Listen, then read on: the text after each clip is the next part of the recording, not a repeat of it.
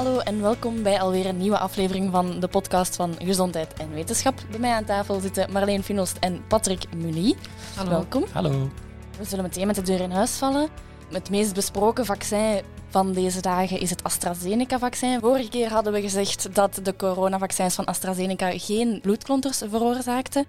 Ehm, nu blijven ze dat onderzoeken en blijkt het toch een beetje anders te zijn, Marleen? Wel ja, niet echt bloedklonters. Dus het klopt nog altijd dat mensen met een verhoogd risico op bloedklonters, zo hart- en vaatziekten of andere, dat er geen enkel risico is op uh, het krijgen van bloedklonters na, na toediening van het AstraZeneca-vaccin. Dus wie gevaccineerd wordt met AstraZeneca, dat is zeer veilig. Maar er zijn toch wel enkele tientallen, ik denk een zestigtal op dit moment, uh, jonge, jongere mensen, dat is onder de 60 jaar, ben blij dat ze dat nog jonge mensen noemen.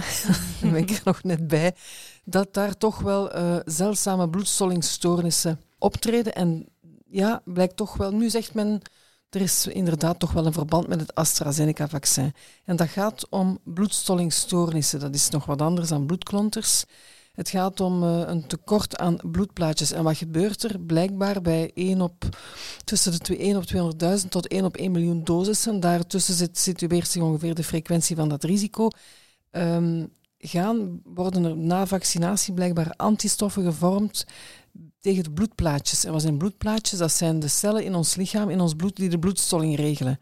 En als je daar antistoffen tegen maakt, ja, dan, gaan, dan ga je een tekort krijgen, gaan die bloedplaatjes eh, naar alle kanten beginnen schieten. Je krijgt aan de ene kant stolsels in je bloedvaten en aan de andere kant krijg je bloedingen. Dus je hebt dan uh, ja, bloed, zowel bloedingen als stolsels tegelijkertijd en dat zijn heel gevaarlijke situaties. Er zijn ook een aantal mensen aan overleden.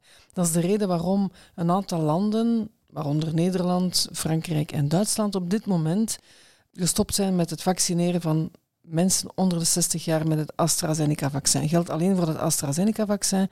Dus wij zijn op dit moment, eigenlijk terwijl wij deze podcast maken, is er een overleg tussen ministers en taskforce en Hoge Gezondheidsraad wat België gaat doen met het AstraZeneca-vaccin. En er zijn er twee mogelijke scenario's. Of men gaat gewoon door en men blijft iedereen vaccineren.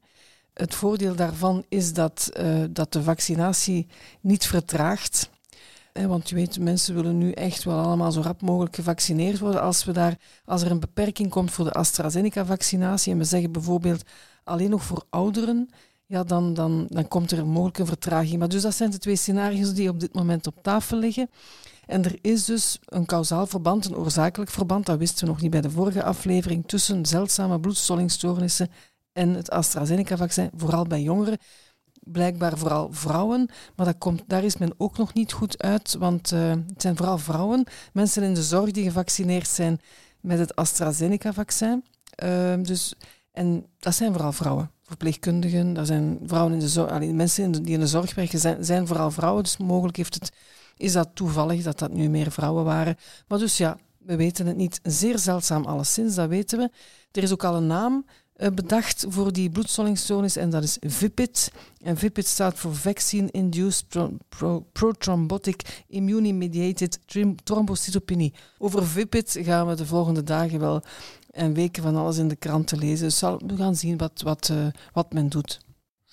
Maar heel de discussie in mijn ogen toont wel aan dat het een open discussie is. En dat is eigenlijk zo'n beetje tegen die complottheorie-aanhangers, dat men ons niet alles zegt en dat de financiële belangen veel belangrijker zijn.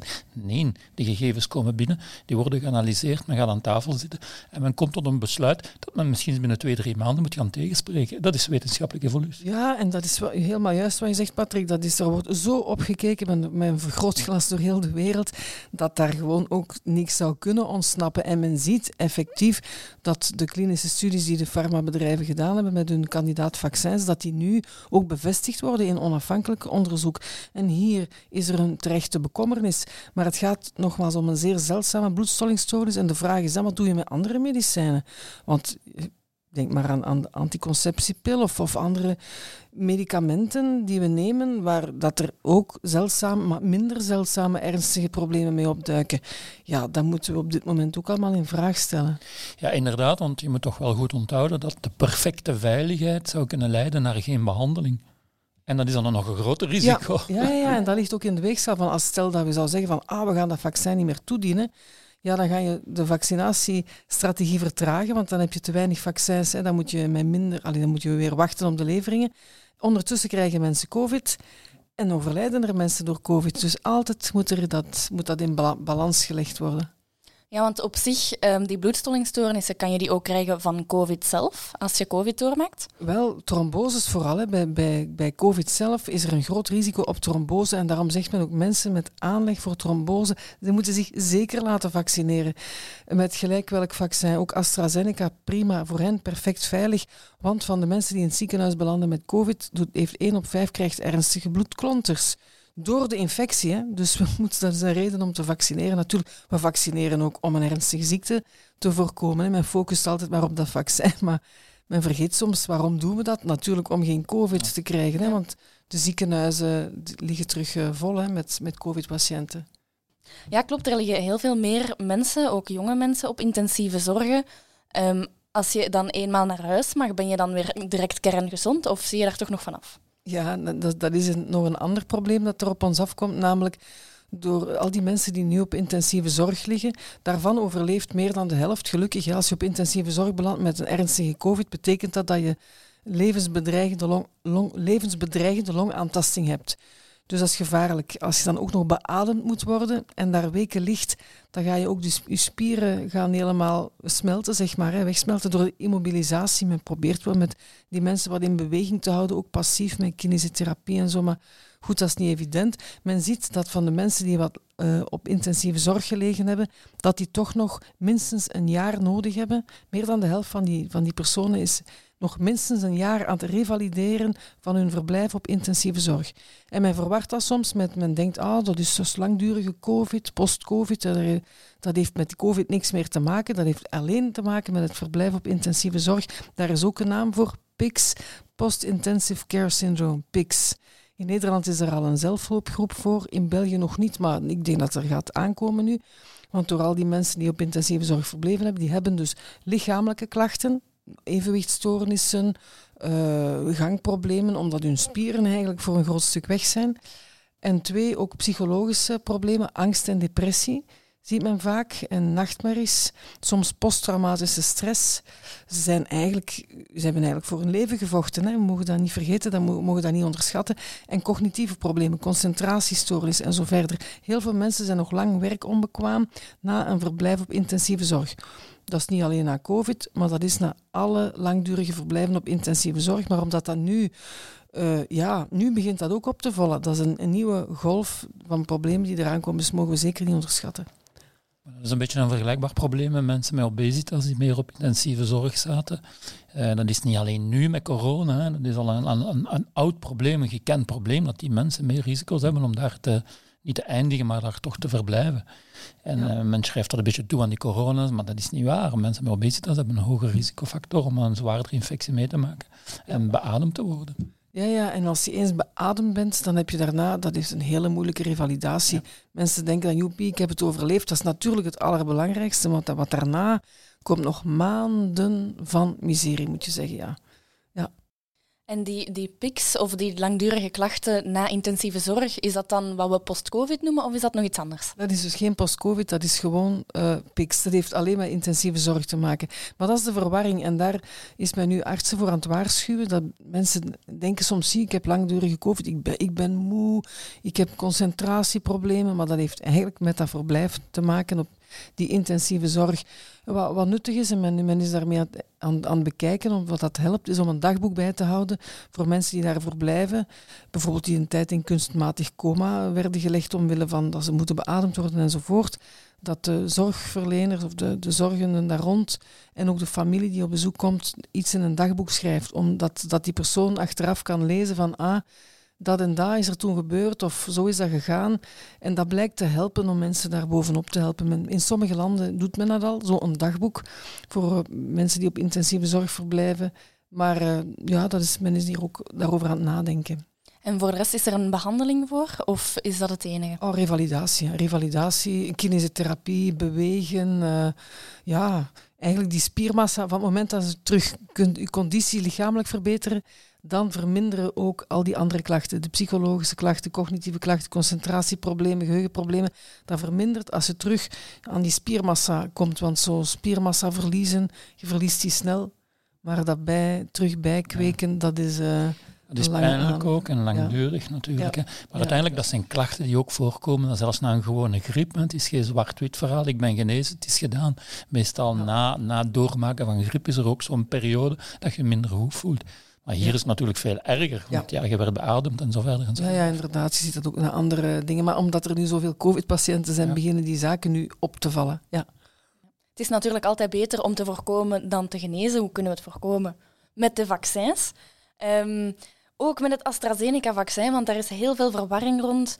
Uh, mensen vertrouwen het niet meer. Er is heel veel communicatie rond geweest. Eerst mochten we het niet aan 55-plussers geven. Nu mogen we het alleen nog maar aan 55-plussers geven. Wat is, wat is er allemaal aan de hand bij AstraZeneca? Op dit moment mogen we voor alle duidelijkheid niet alleen aan, eh, dus aan iedereen krijgt het hè, op dit moment. Dus eerst was gezegd niet aan 55-plussers, dan voor iedereen. En nu, op dit moment, wordt er onderhandeld, gaan we de jongere groep het niet geven omwille van die, ernst, die zeer zeldzame bloedstollingstoornissen. Uh, maar het is heel, heel zinvol, natuurlijk. Het is het beste, de beste strategie die we hebben. Nu was er eigenlijk ook wel goed nieuws. We hebben van in het begin gezegd van mensen uh, die gevaccineerd zijn, kunnen het virus toch nog doorgeven. Want dat was niet onderzocht in de klinische studies. Men ging ervan uit van ja, je kan het dan toch nog doorgeven aan anderen, ook als je zelf beschermd bent. Nu zijn de eerste lange termijn studies daar waaruit blijkt dat dat niet zo is. Dus eens dat je gevaccineerd bent, zelfs na de eerste prik, zijt met AstraZeneca, met Pfizer of met Moderna, Twee weken daarna ben je 80% minder besmettelijk. Dus ga je anderen niet meer uh, gemakkelijk besmettelen, besmetten. besmettelen. en dan na je tweede prik zelfs 90%.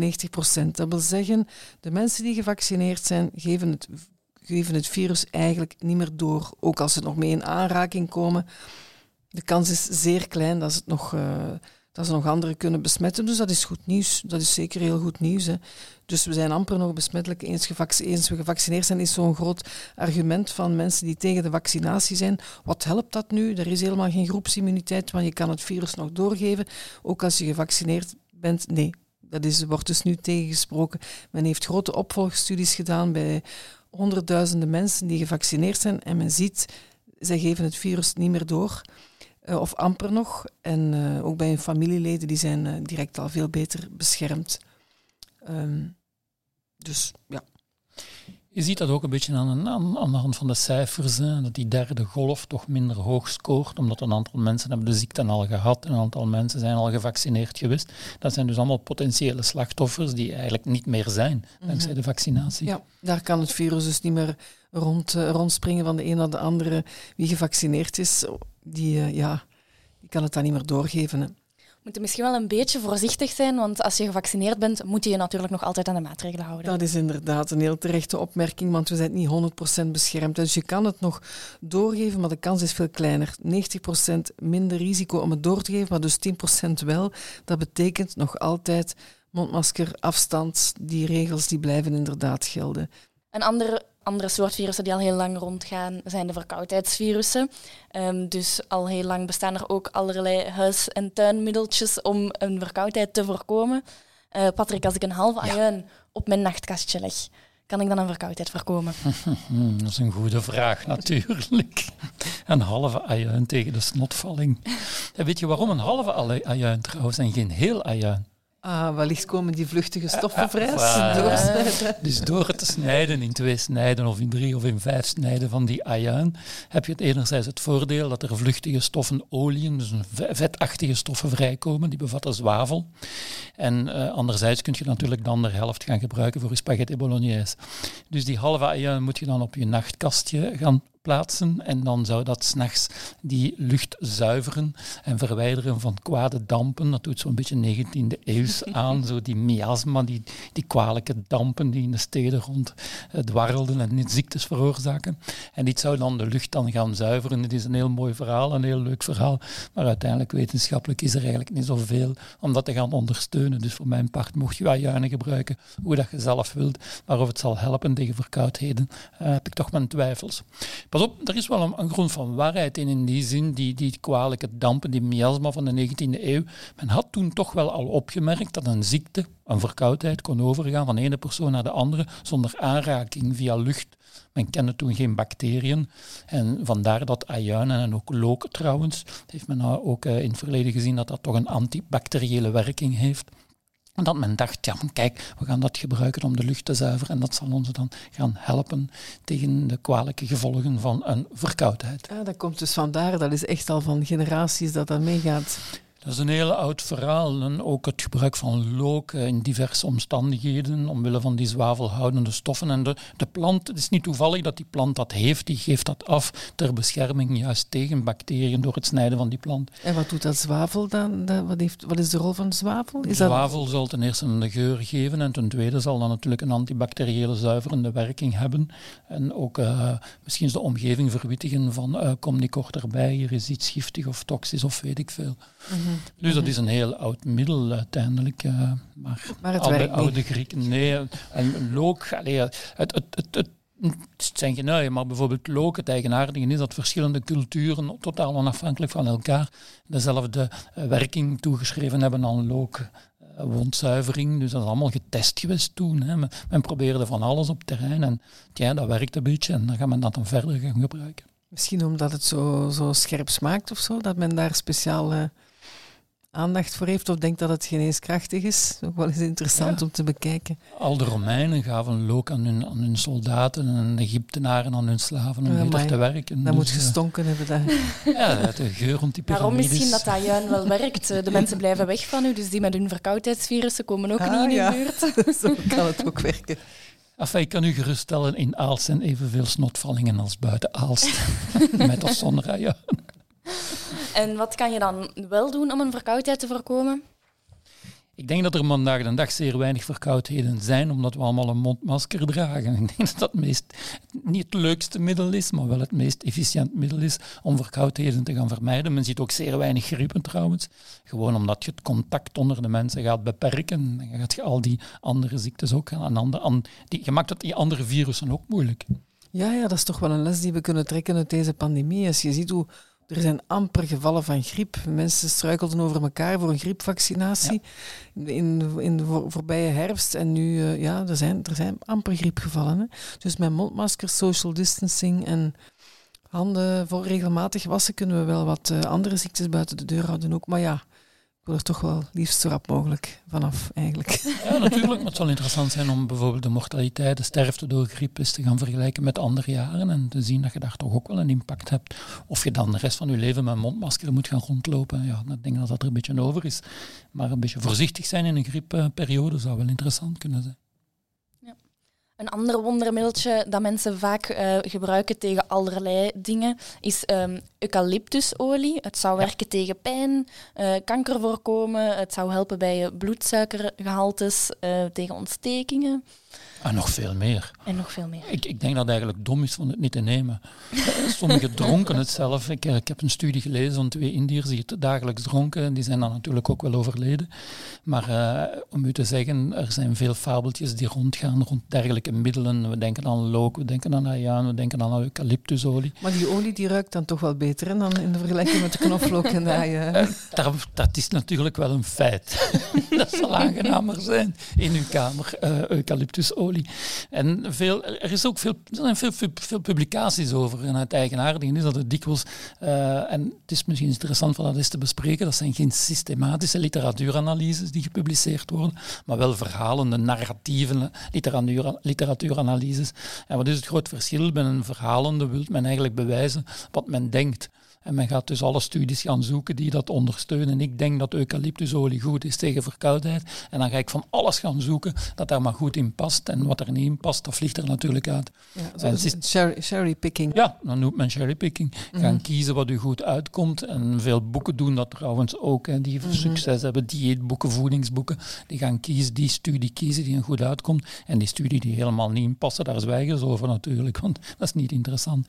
En dat is het groot verschil met een systematische, en in onze loops, in onze teksten proberen wij altijd zoveel mogelijk systematische literatuuranalyse te gebruiken. En daar heeft de auteur van een systematische uh, literatuuranalyse, dus de onderzoeker, geen houding a priori. Hij heeft een hypothese en hij denkt, ja, zou eucalyptusolie uh, interessant zijn bij een verkoudheid? En dan gaat hij alle studies opzoeken die dat ondersteunen of tegenspreken. En op het einde maakt hij dan een conclusie. En uiteindelijk, als je dan ziet eucalyptusolie, er zijn enorm veel studies, maar de kwaliteit is dikwijls ook zeer, zeer laag. Ook waarschijnlijk vaak gesponsord door uh, bedrijven die eucalyptusolie verdelen. Wie zou anders geïnteresseerd zijn om daar uh, uh, geld of onderzoeksgeld aan te besteden, vraag ik mij af. Inderdaad. En uh, nu, zo'n een, een, narratieve, verhalende review schrijven, dat is niet veel werk. Hè. Ik bedoel, uh, iemand die een beetje ervaring heeft, zoals wij, die doet dat op een dag of twee. Hè. Dat gaat zeer vlot, want je kiest zelf je studies. En systematische literatuuranalyse, dat duurt een jaar.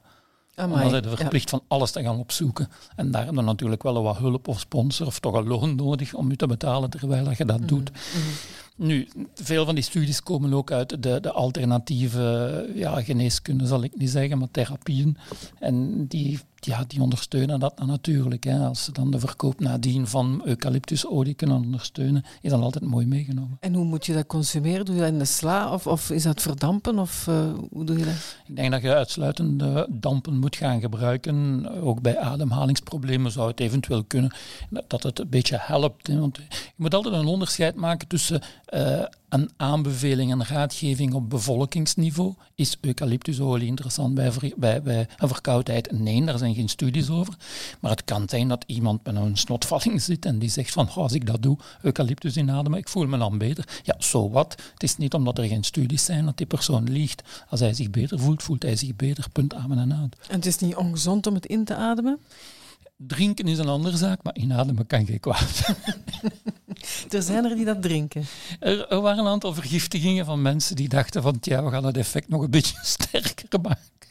En we gaan het dagelijks een goede portie maar die hadden, die hadden dan toch al een flinke dosis, denk ik, binnen. Die hadden ongeveer, pas op, nee, nee, ik zie hier twee volwassen dronken 15 milliliter.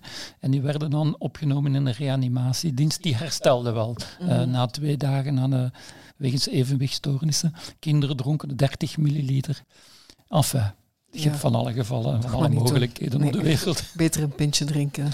Ik denk het ook. Uh, en dan nog om af te sluiten, um, veel mensen stappen ja. over op een vegetarisch of een deels vegetarisch dieet uh, voor allerlei redenen, voor het milieu of voor het dierenleed um, of gewoon om gezonder te zijn. Uh, wat gaan we dan in de plaats eten? Vleesvervangers. Maar zijn die wel altijd even gezond? Dat is een heel goede vraag, want uiteindelijk kan je gezond eten vegetarisch, maar je kan ook ongezond vegetarisch eten. Zoals je gezond kan eten met vlees, maar ook ongezond eten met vlees. Het is eigenlijk niet de naam die telt, maar wel de invulling uiteindelijk. Nu, van die vleesvervangers, of toch vervanger van die uh, eiwitten op je bord. Het is eigenlijk geen vlees, dus de, de, de, term is een beetje moeilijk, maar ik heb geen andere term. We gebruiken vleesvervangers. Uh, van die vleesvervangers heb je twee soorten. Je hebt eigenlijk de grondstoffen die gebruikt worden als vleesvervanger. Ik denk aan noten, aan zaden, uh, ik denk aan peulvruchten, zoals erwtenbonen, tientallen soorten bonen, linzen en zo verder en zo verder. Maar als vleesvervangers heb je ook bereidingen die je kunt kopen.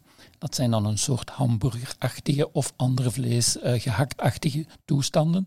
En als men daar kijkt naar de samenstelling, ja, dat is een bereiding. En om iets te bereiden heeft men zaken toegevoegd. En wat heeft men dan toegevoegd? Ja, men heeft vetten toegevoegd om dat lekker te maken. Men heeft daar zout toegevoegd en zo verder en zo verder. En als je dan kijkt naar de samenstelling van die bereidingen, ja, die zijn toch minder gunstig dan uh, mager vlees bijvoorbeeld. Als je die bijvoorbeeld, ik denk aan vegetarische soorten, een aantal vegetarische hamburgers, je vergelijkt die met kip of kalkoen. Wel, die vegetarische hamburgers, daar zit meer zout in, meer verzadigde vetten, die slecht zijn voor hart- en vaatziekten. In vergelijking met kip en kalkoen. Natuurlijk, kip en kalkoen is een grondstof.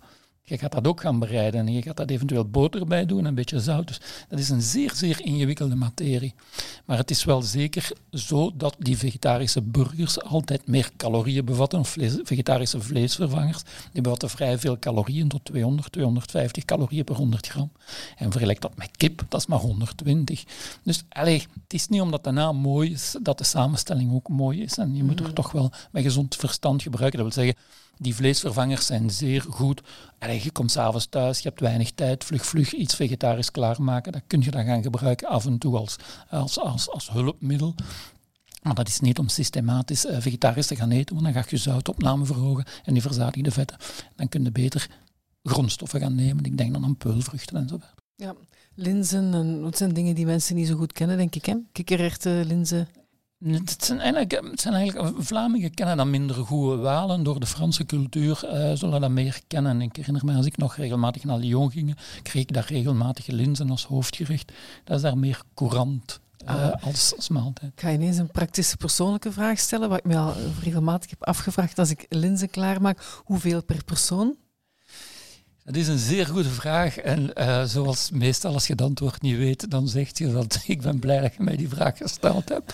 En ik ben eigenlijk gewoon tijd ontwinnen. Maar ik schat dat een 100 gram linzen is iets van een 80 calorieën. Dus je zou eigenlijk voor 100 gram vlees een 200 gram uh, peulvruchten kunnen gaan nemen uh, ter vervanging uitsluitend voor de calorieën natuurlijk. Als je gaat kijken naar de eiwitten, ja, we weten allemaal, dierlijke eiwitten zijn iets beter voor ons lichaam dan plantaardig. Maar dat is een heel ander verhaal. Google vertelt mij uh, eh, 250 gram per persoon. Gekookte okay. linzen. Gekookte linzen. Ja. Droge linzen uh, 125 gram. Ah, dank u, Amber. dank u, Google. Op die noot zullen we dan uh, afronden en dan zie ik jullie volgende maand weer. Uh, okay. Marleen Vinoest en Patrick Mully. Tot de volgende. Dank Tot de volgende. Dag.